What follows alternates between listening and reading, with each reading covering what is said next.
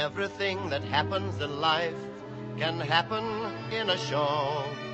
You can make 'em laugh, you can make 'em cry. Anything, anything can go.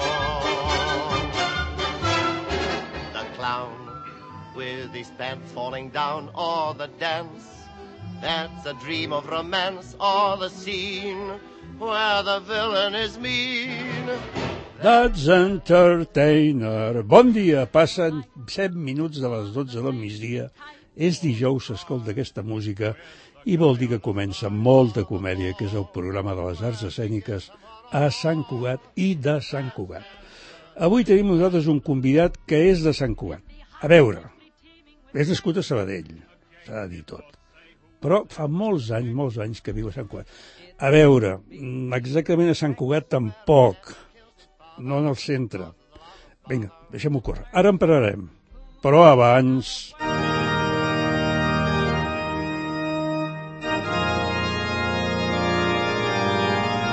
Dia del molta comèdia. Avui, coses negatives i coses positives. Benvolguts germans a les arts escèniques. Avui vull parlar d'algunes coses negatives que afecten a la cultura i, òbviament, a les arts escèniques, però també algunes coses positives, que Déu sigui lloat, també n'hi ha. Negativa. Un informe de la Fundació La Caixa, ja sabeu, Caja de Pensiones para la Vejez i de Ahorros, després Caixa de Pensions i ara CaixaBank. Doncs aquest estudi diu que un 70% dels enquestats diu que es tracta d'una feina aquesta de cultura irregular, amb una pressió extrema i sous inferiors a la mitjana que porten a molts professionals del teatre, del circ, de la dansa, etc., a abandonar i cercar feines més remunerades i amb més possibilitats de treballar regularment. Positiva. El Teatre Lliure acaba d'anunciar la creació i l'accés per tothom d'un arxiu en el que continuen treballant i on s'han digitalitzat 12.079 objectes i documents. S'han capturat de manera automàtica el contingut referit als espectacles des de la Fundació, com a cooperativa de l'any 1976, fins a la temporada 2018-2019, incloses les gires, i segueixen, s'han vinculat les fitxes d'espectacles amb les respectives reposicions un llarg, etc que podeu comprovar entrant a la seva web. Molt i molt interessant. Negativa. La venda d'entrades als concerts de figures com Beyoncé i companyia continuen sent a part de molt cares, concretament aquesta cantant, les entrades VIP costen 3.000 euros i les que es qualifiquen Golden Circle 209,50. Dic, continuen sent un atracament a web armada perquè posades a la venda un dia determinat, a les poques hores ja no n'hi ha. bueno, no n'hi ha. Vull dir, no n'hi ha per la compra, diguem-ne, normal, però segur, segur, que em pots trobar a determinades webs perquè ja s'han apoderat d'elles per fer un bon negoci sense que ningú, repeteixo, ningú, faci res perquè això no passi. Positiva.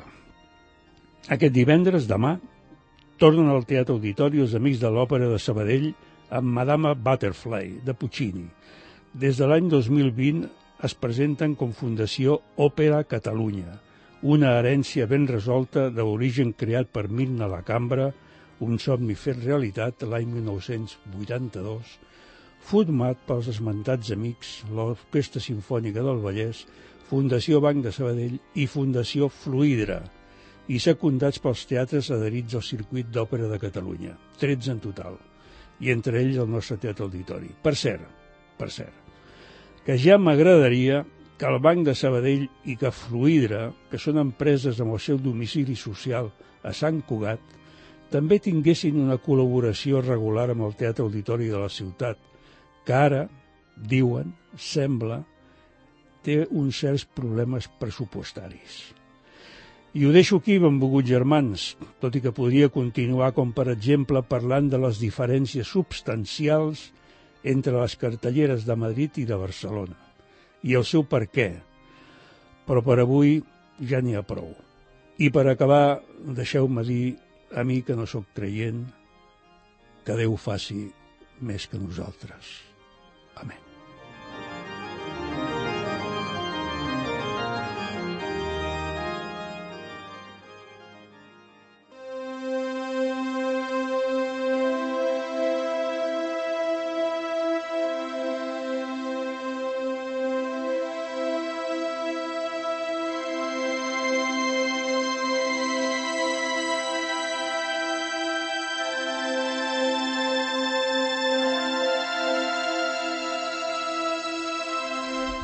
Estava dubtant de posar una música del Far West, però saps què va passar, Ramon?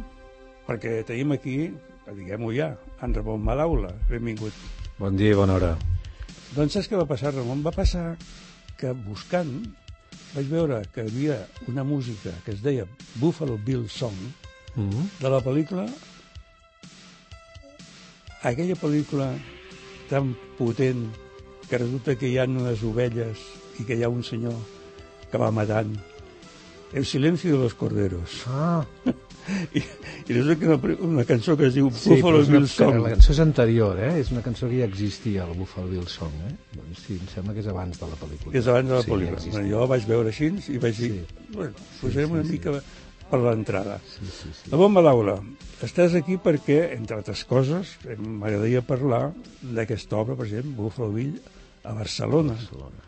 Que es farà al Teatre Auditori no aquest diumenge vinent, sinó L'altre. diumenge. Sí. I eh, la primera pregunta que et volia fer és com va sorgir? De, de quina manera? Per què? Ramon Malaula un dia diu vaig escriure una obra sobre Buffalo Bill. Uh, abans puc fer una esmena a l'homilia? Sí. Una petita esmena.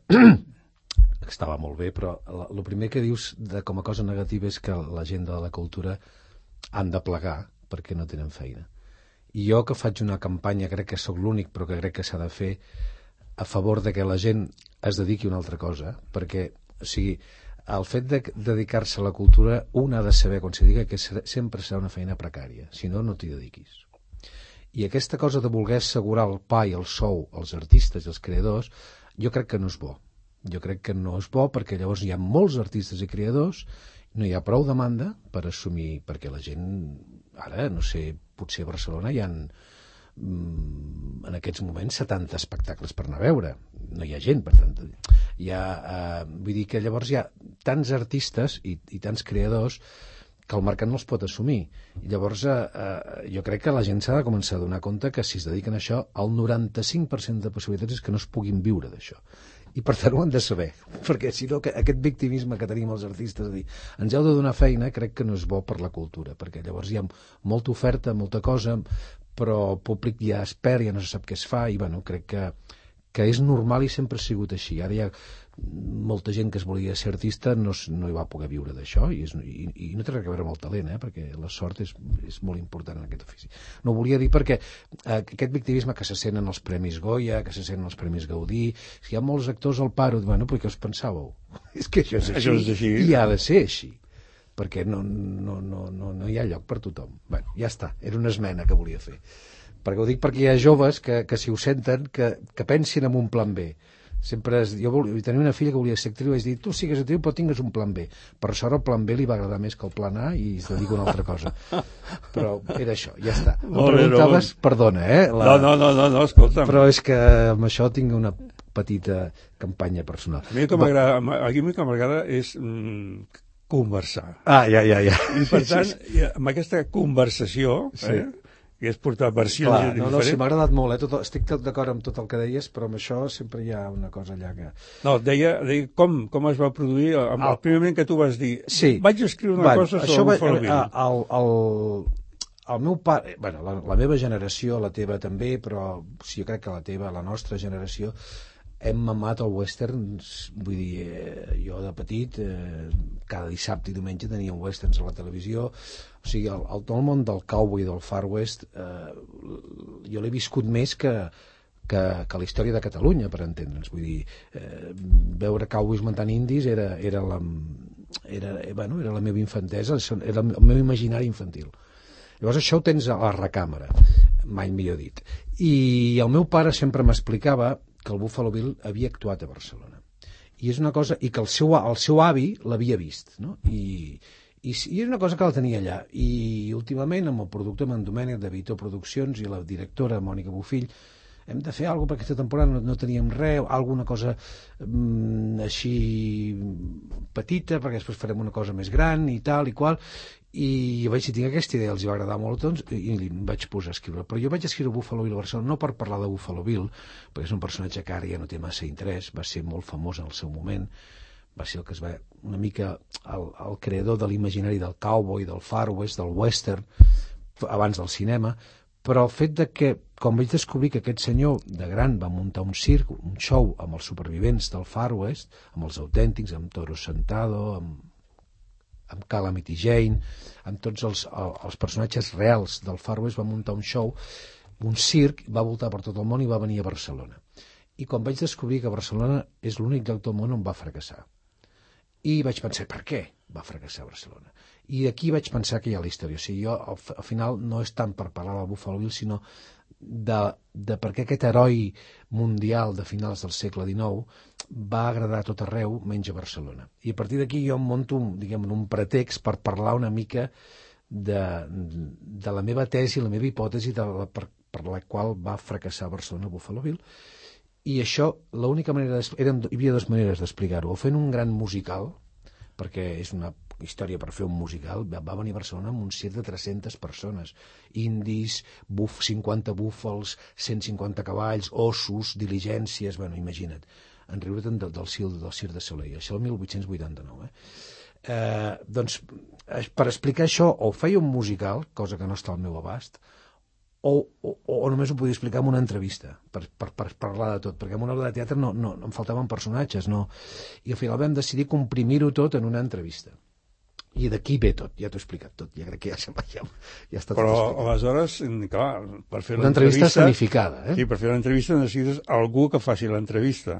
I aleshores, com apareix uh, la Raquel Sanz? Bueno, llavors, és clar, al dir, bueno, fem una entrevista, evidentment una entrevista teatralitzada, que al final és una obra de teatre, perquè no parteix d'una entrevista, però la cosa es va enredant, eh, eh, vaig dir, bueno, agafem una actriu, però també em dir, home, eh, amb la Mònica Bufill, en Domènec, com que tot el que es diu és veritat, tot el que s'explica a l'obra és veritat, tots són dades reals, quan s'explica la biografia d'aquest senyor, què va passar als Estats Units en aquella època, com es va crear el western, el, el, com es va crear l'imaginari del cowboy, el viatge que va fer a Barcelona, com va venir a Barcelona, que li... tot, tot el que s'explica és veritat, doncs ja que és veritat, doncs, i les preguntes que se li fan en aquest home, és una entrevista pòstuma a Buffalo Bill, les entrevistes que li fan a aquest home les preguntes que li fan són, parteixen de la realitat, doncs per què no ho fa una periodista real en comptes d'una actriu?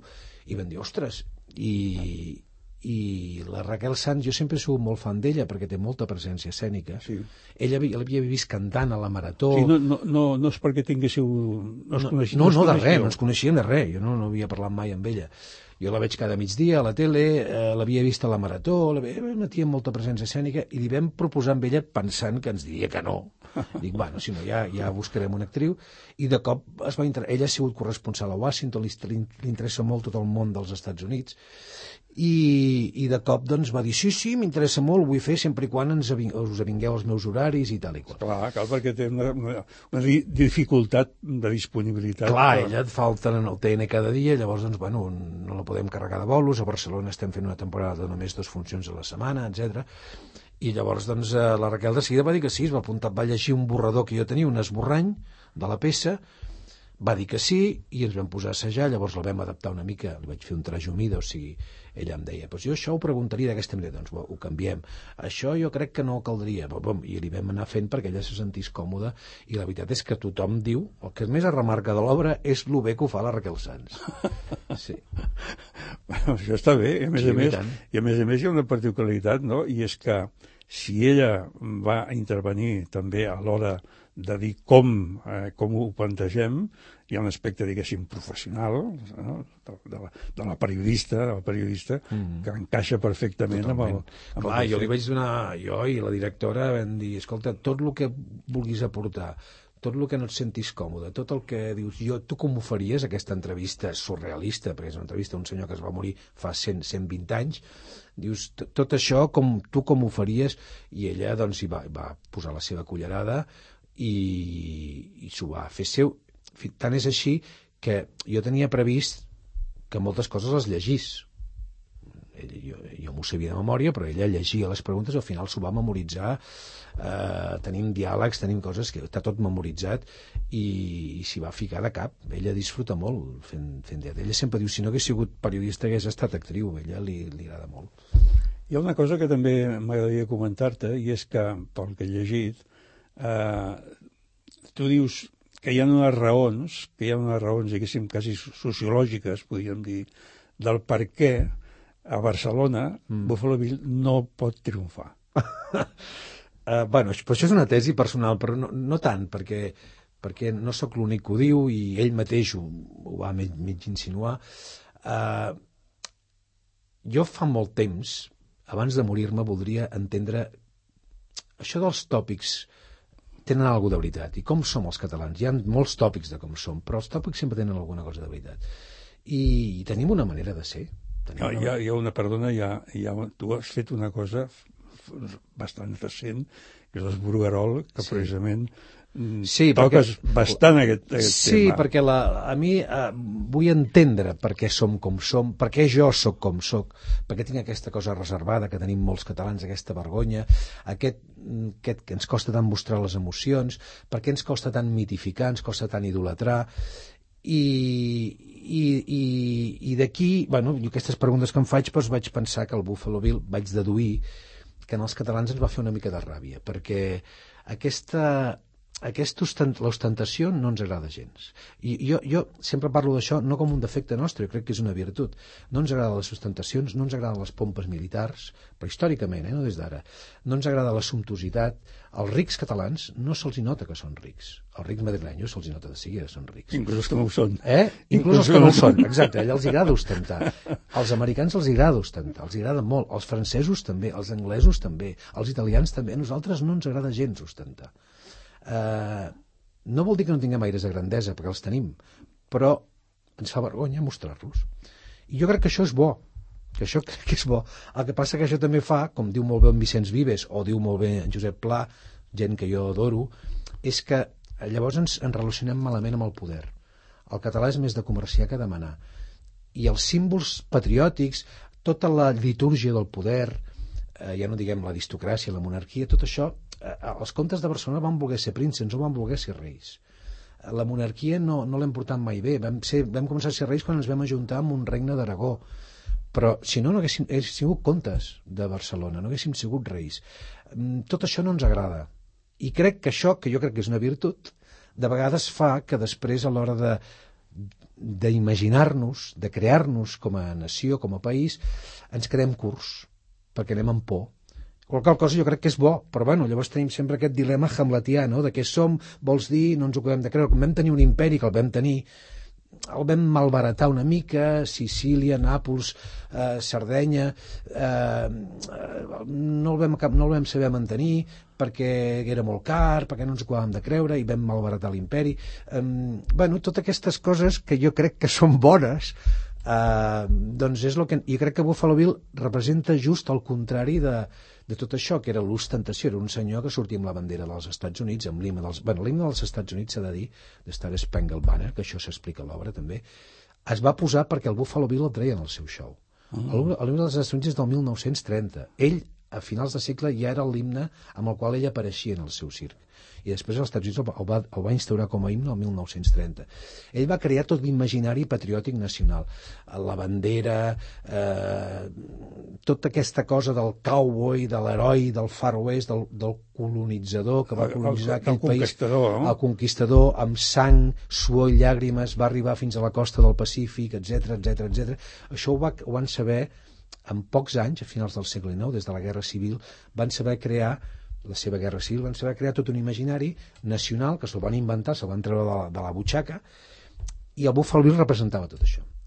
I així com a Londres va triomfar molt, a París va triomfar molt, va arribar a Barcelona i va fracassar. I aquesta és la tesi de l'obra, no? una mica, és un pretext per parlar una mica de nosaltres, sí, el Buffalo Bill a Barcelona. Sí. Aleshores, més aviat podríem dir que estàs fent una obra de Buffalo Bill en el fons, en el rerefons, el que hi ha... Totalment, no, no. El que hi ha... Per parlar de nosaltres, per parlar de nosaltres. Diu, aquest senyor no...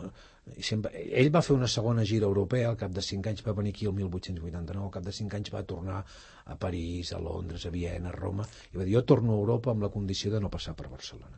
No volia ser res dels catalans.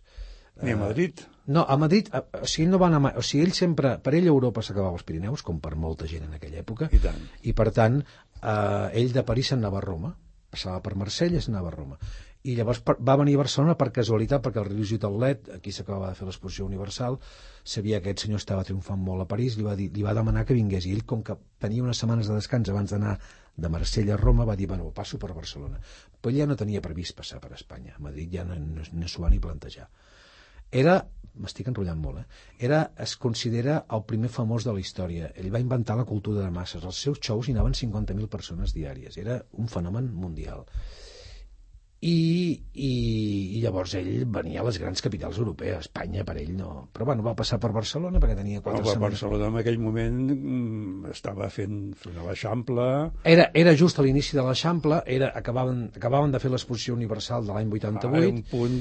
Sí, però però era petita encara, era una Sí, ciutat sí, petita. clar. Una ciutat Continua, continua sent una ciutat petita, petita. començava just, home, a l'època començava el modernisme, o sigui, en aquells moments Barcelona volia emular a París, però estava a anys llum, no? No era una ciutat situada al món. Començava a ser, eh? És veritat que començava a tenir turisme, començava, bueno, es va fer l'exposició universal i això, doncs, eh, li va donar un, una certa visibilitat al món, però molt poqueta, diguem-ne. Llavors l'espai que, que ocupaven era una zona que...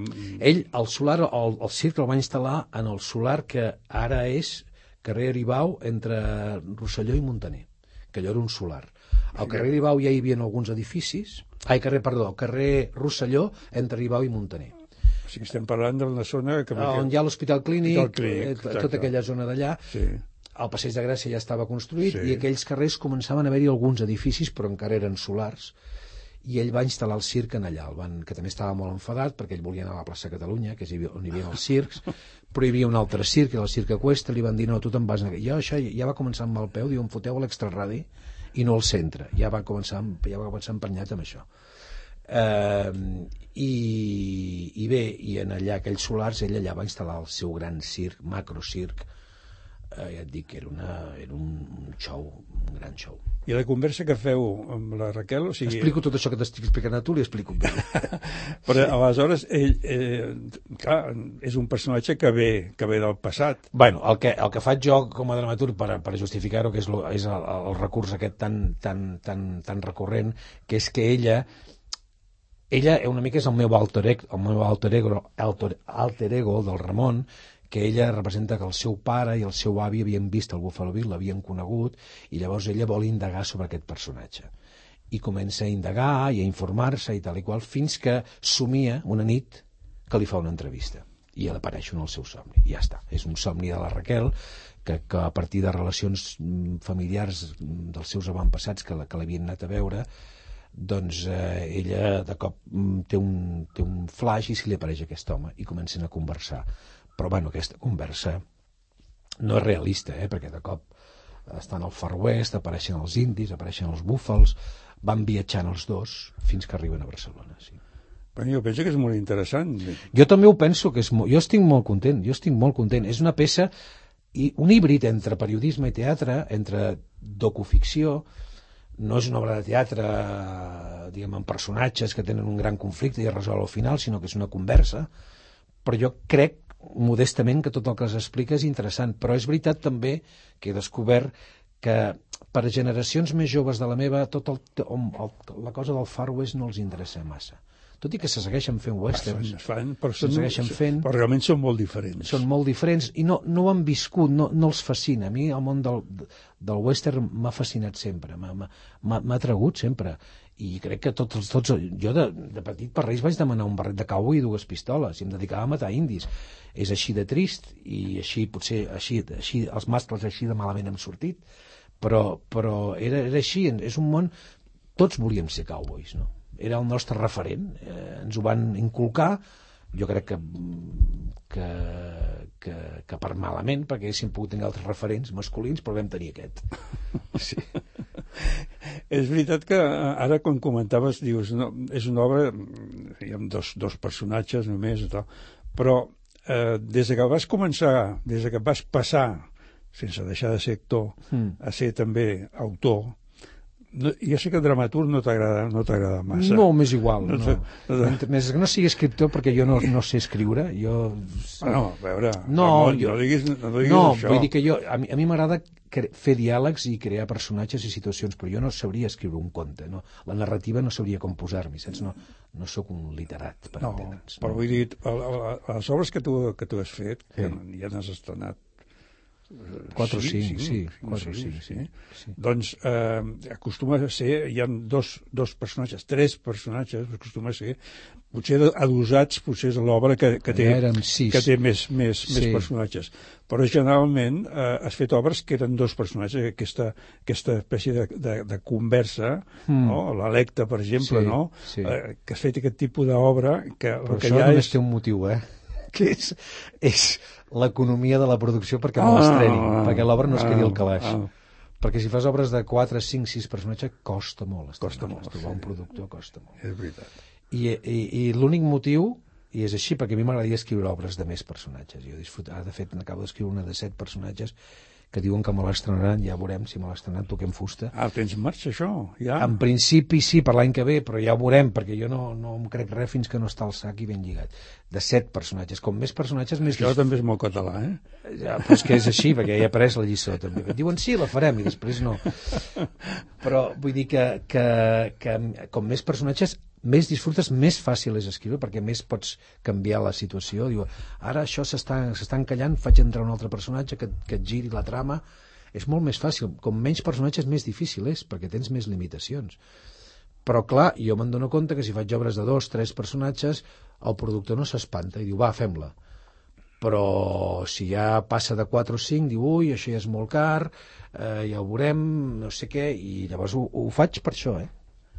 Perquè ja, com que a mi no em va ningú al darrere per produir, diguem-ne, m'he de buscar jo la vida per buscar, que per sort sempre acabo trobant productor, vull dir que acabo poguent estrenar, que tampoc em vull queixar, però vull dir que he de picar portes, llavors eh, vaig a, mira, tinc aquesta obreta de 3, i el productor quan diu que és de 2 a 3 ja diu, ah, me la llegiré, si dius de 5 o 6 diu, bueno, ja veurem, ja, millor ni se la llegeix. Hi ha una, una, una obra que jo recordo que vam, vam, parlar, vam parlar en un programa diferent d'aquest, eh, que era eh, que havies fet basant-te en, la, en, un, en un moment, unes, a una època de, de Santiago Rossinyol. Ah, allò, allò era un, allò, però allò era, allò la primera dramaturgia que vaig escriure, però allò era, no era escrit per mi, era, era o sigui, jo el que vaig fer era, era un monòleg. Era el 2007. Exacte, era un monòleg que era, tot eren textos del Santiago Rossinyol, de cartes, d'obres de teatre, ah, de novel·les, que els vaig anar recopilant, i vaig fer un monòleg autobiogràfic d'ell, sí de reflexions, articles d'ell que havia escrit a La Vanguardia, etc. i vaig fer com un monòleg, però allò és el primer que vaig fer, diguem-ne, però eren pedaços, no era escrit per mi, era agafar sí, sí, sí, sí, sí. trossos del Rossinyol, enganxar-los amb una cronologia, i allà em vaig començar a animar com això de la dramaturgia, el 2007, sí. Però també és curiós una cosa, i és que comencessis amb Rossinyol. O sigui, no, no, m'entens què vull dir, no? O sigui, com parlàvem del català, sí. de tal, tal, tal, i és curiós pensar ara que... O sigui, agafessis... era un gran retratista de la nostra societat. Ah, exactament. Sí. I a més e, era...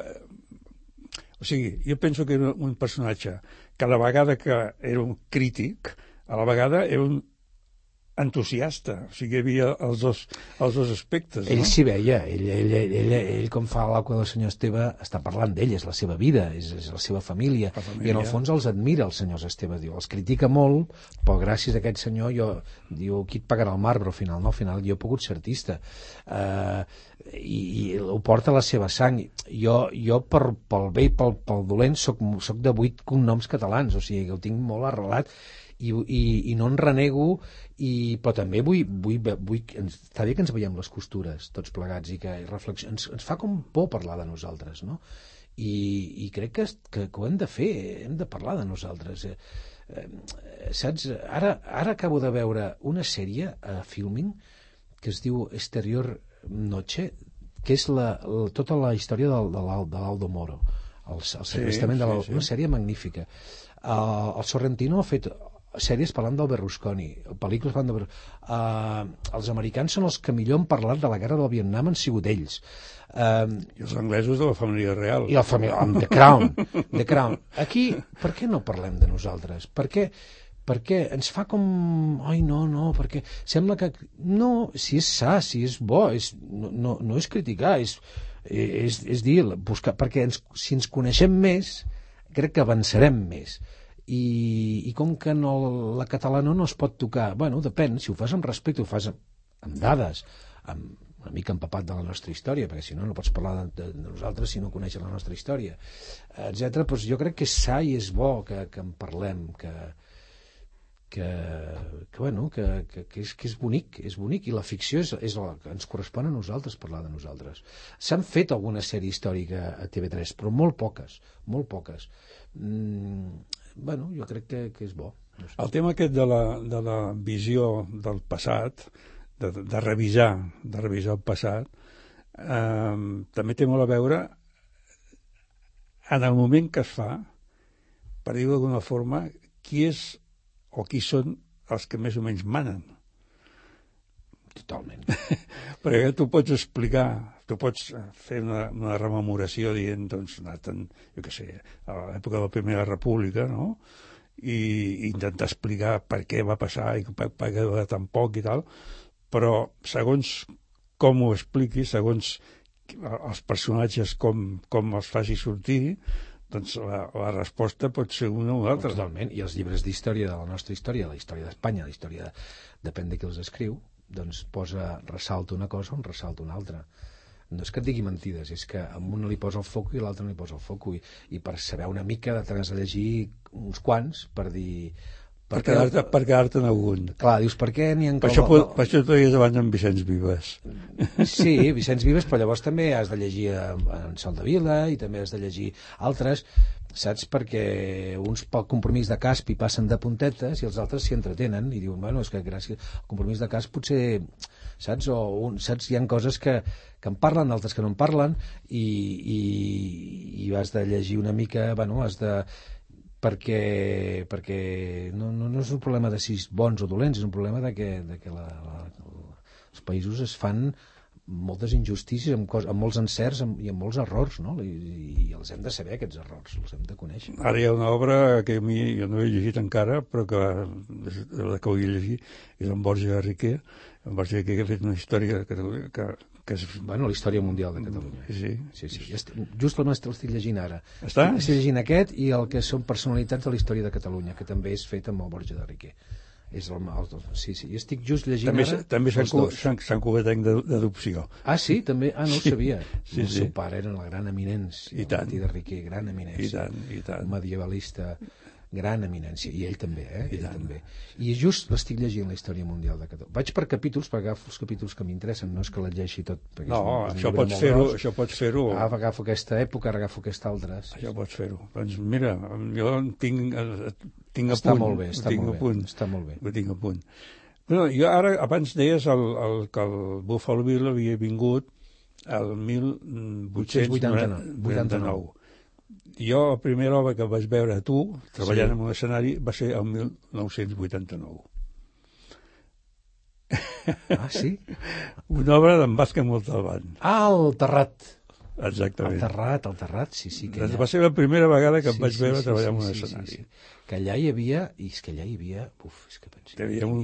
el Rafael Anglada, és que la gent ja, ja no saben qui són, era una eminència del teatre català, pobret, que estava ja molt gran, anava coix, no podia quasi caminar, era de les últimes coses que va fer, hi havia la Rosa Novell.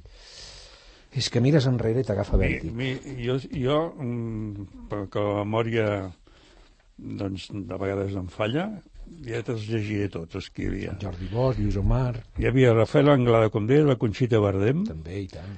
la Montse Baió, el Jordi Bosch, evidentment, el Pep Comas, el Pep Cortés, el Montse Esteve, el Lluís Omar, Lluís Omar, sí, sí. tu, Mm. la Rosa Novell, també ho has dit, el Josep Penyalbert, El Josep Penyalbert, ostres, el Penyalbert. el Juanjo Prats i el, i el Toni Sevilla. I el Toni Sevilla, és que eren uns, uns repartiments que dius, mare de Déu. Uf, Aquest és el problema que tu apuntaves abans, quan, quan, quan comentaves que quan feies una obra, doncs, diguem-ne, et limitaves a que fossin dos. No, això ara en teatre privat quasi no es pot fer això. És no brutal. En teatre públic, teatre privat no, no te la farà aquesta obra. Amb vuit personatges o nou no te la farà. No ho farà, no, perquè és massa el risc. I, i la gent es queixa que les entrades del teatre són cares. Dius, però escolta'm, eh, bueno, eh, dius, tu saps el que li arriba d'aquella entrada al productor? Si tu pagues 30 euros, al productor potser li arriben 3 o 4 euros d'aquella Sí, entrada. sí, sí. 3 o 4 euros li arriben, eh? Perquè treus l'IVA, treus els drets d'autor, treus tots els intermediaris de ventes d'entrada per internet, treus el que es queda a la sala, treus la publicitat, que és caríssima, treus tot i d'aquell entren 30 euros potser li arriba un 10% al productor, el que s'està jugant els diners. Clar, llavors dius una obra de 8, encara compli el teatre, costa molt que surtin els números, encara compli el teatre amb una obra de 8. I a més hi ha un, aquest aspecte que dèiem abans, que la, la, la dificultat de que, o sigui, que una obra abans podia estar tres mesos, quatre mesos, Mm. inclús potser una, i després feia la, aquesta, la gira, o, que podia, ara, si està un Bueno, el mes... privat, el privat, un mes i- un mes i- el privat encara s'aguanten 12-13 setmanes. Eh, potser no arriba als 3 mesos, però gairebé. El privat l'aguanten, eh? Eh, I si, si va bé, si va malament, potser la treuen abans, però si va bé, eh, poden estar 12-13 setmanes. Eh, llavors la gira. Però és veritat que abans les obres anaven bé estaven un any. I llavors sí que començava a guanyar diners algú, però havia d'estar 4, 5, 6 mesos en cartellera, si no, ara, si els hi va bé, el que fan és, és cobrir, cobrir despeses. És veritat que també totes les productores tenen ajudes públiques, que el teatre està bastant subvencionat, però tot i les subvencions te les jugues, te les jugues. Hi ha un tema en aquest sentit, i és aquest, tu ho apuntaves abans, quan parlàvem de l'homilia, i és com es pot eh, equilibrar, podríem dir, el fet de dir eh, això és bo, com a, com a cultura, un fet cultural, això és interessant, això és inclús necessari, podríem dir, i com ho podem fer de tal manera que arribi molta més gent sense que econòmicament hi afecti directament. Perquè a vegades jo penso, no? Quan tu mires el preu d'una entrada al Liceu, l'entrada que tingui una bona visibilitat mm. i tingui una bona... Mm. Què penses? És obvi que això, segons qui no pot, no pot, senzillament no pot. I no pot anar, sortir una nit i gastar 550-600 euros. I, i, i, i, i si pren alguna cosa, no sé què, i si agafa el cotxe, no sé... És impossible.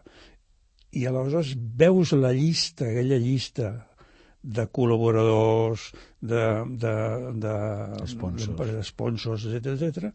i dius, a dir-ho, si no hi hagués això, aquest preu encara hauria de ser molt més alt.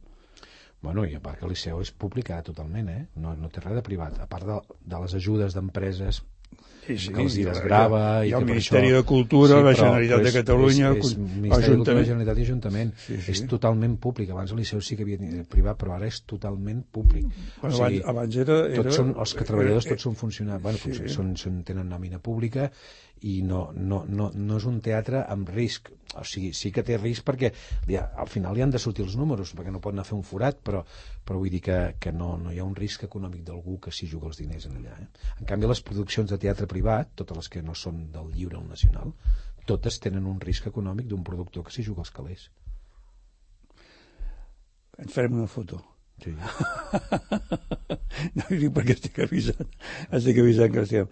Uh, el, el Buffalo Bill, eh, com deies tu, és una cosa que en un moment determinat, perquè sortia ja de la teva família, dels comentaris del teu besavi que hi havia anat, i tal, tal, tal, i fas això.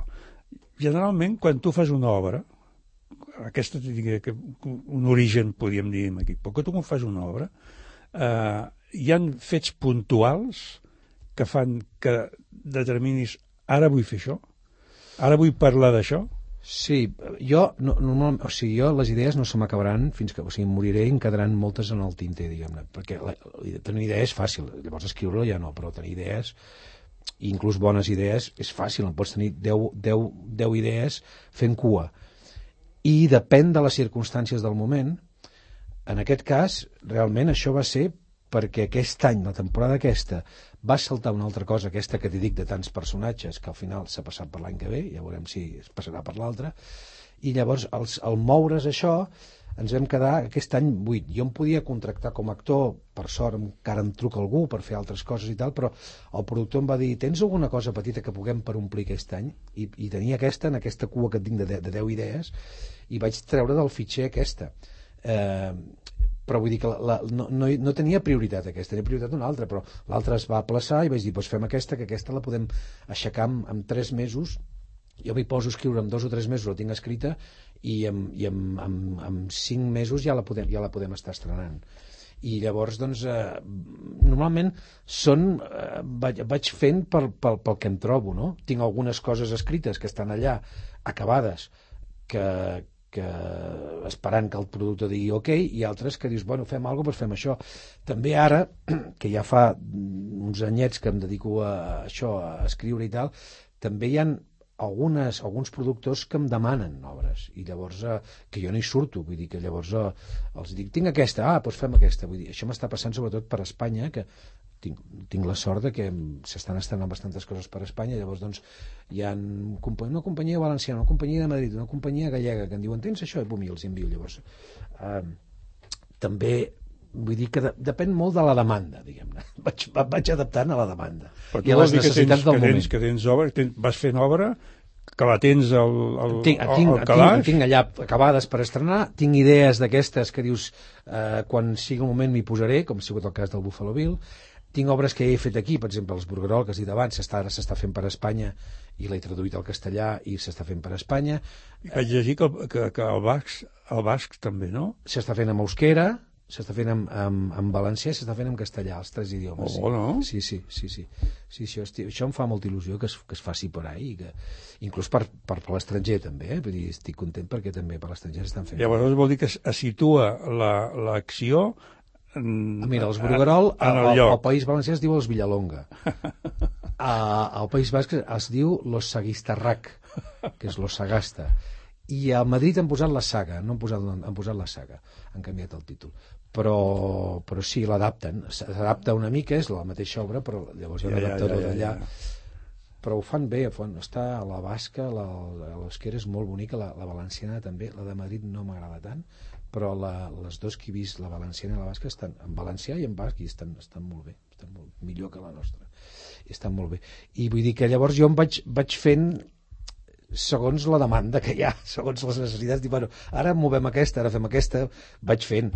Jo ara, bueno, sempre, perquè amb la meva feina, encara que treballi, tinc sempre els matins lliures, llavors tots els matins els dedico a això, llavors, clar, la producció va fent, va avançant, tampoc que, però un parell de títols l'any surten, llavors, eh, bueno, doncs llavors ja estan i ja, ja veurem com, com, com, com, quin camí agafen, no?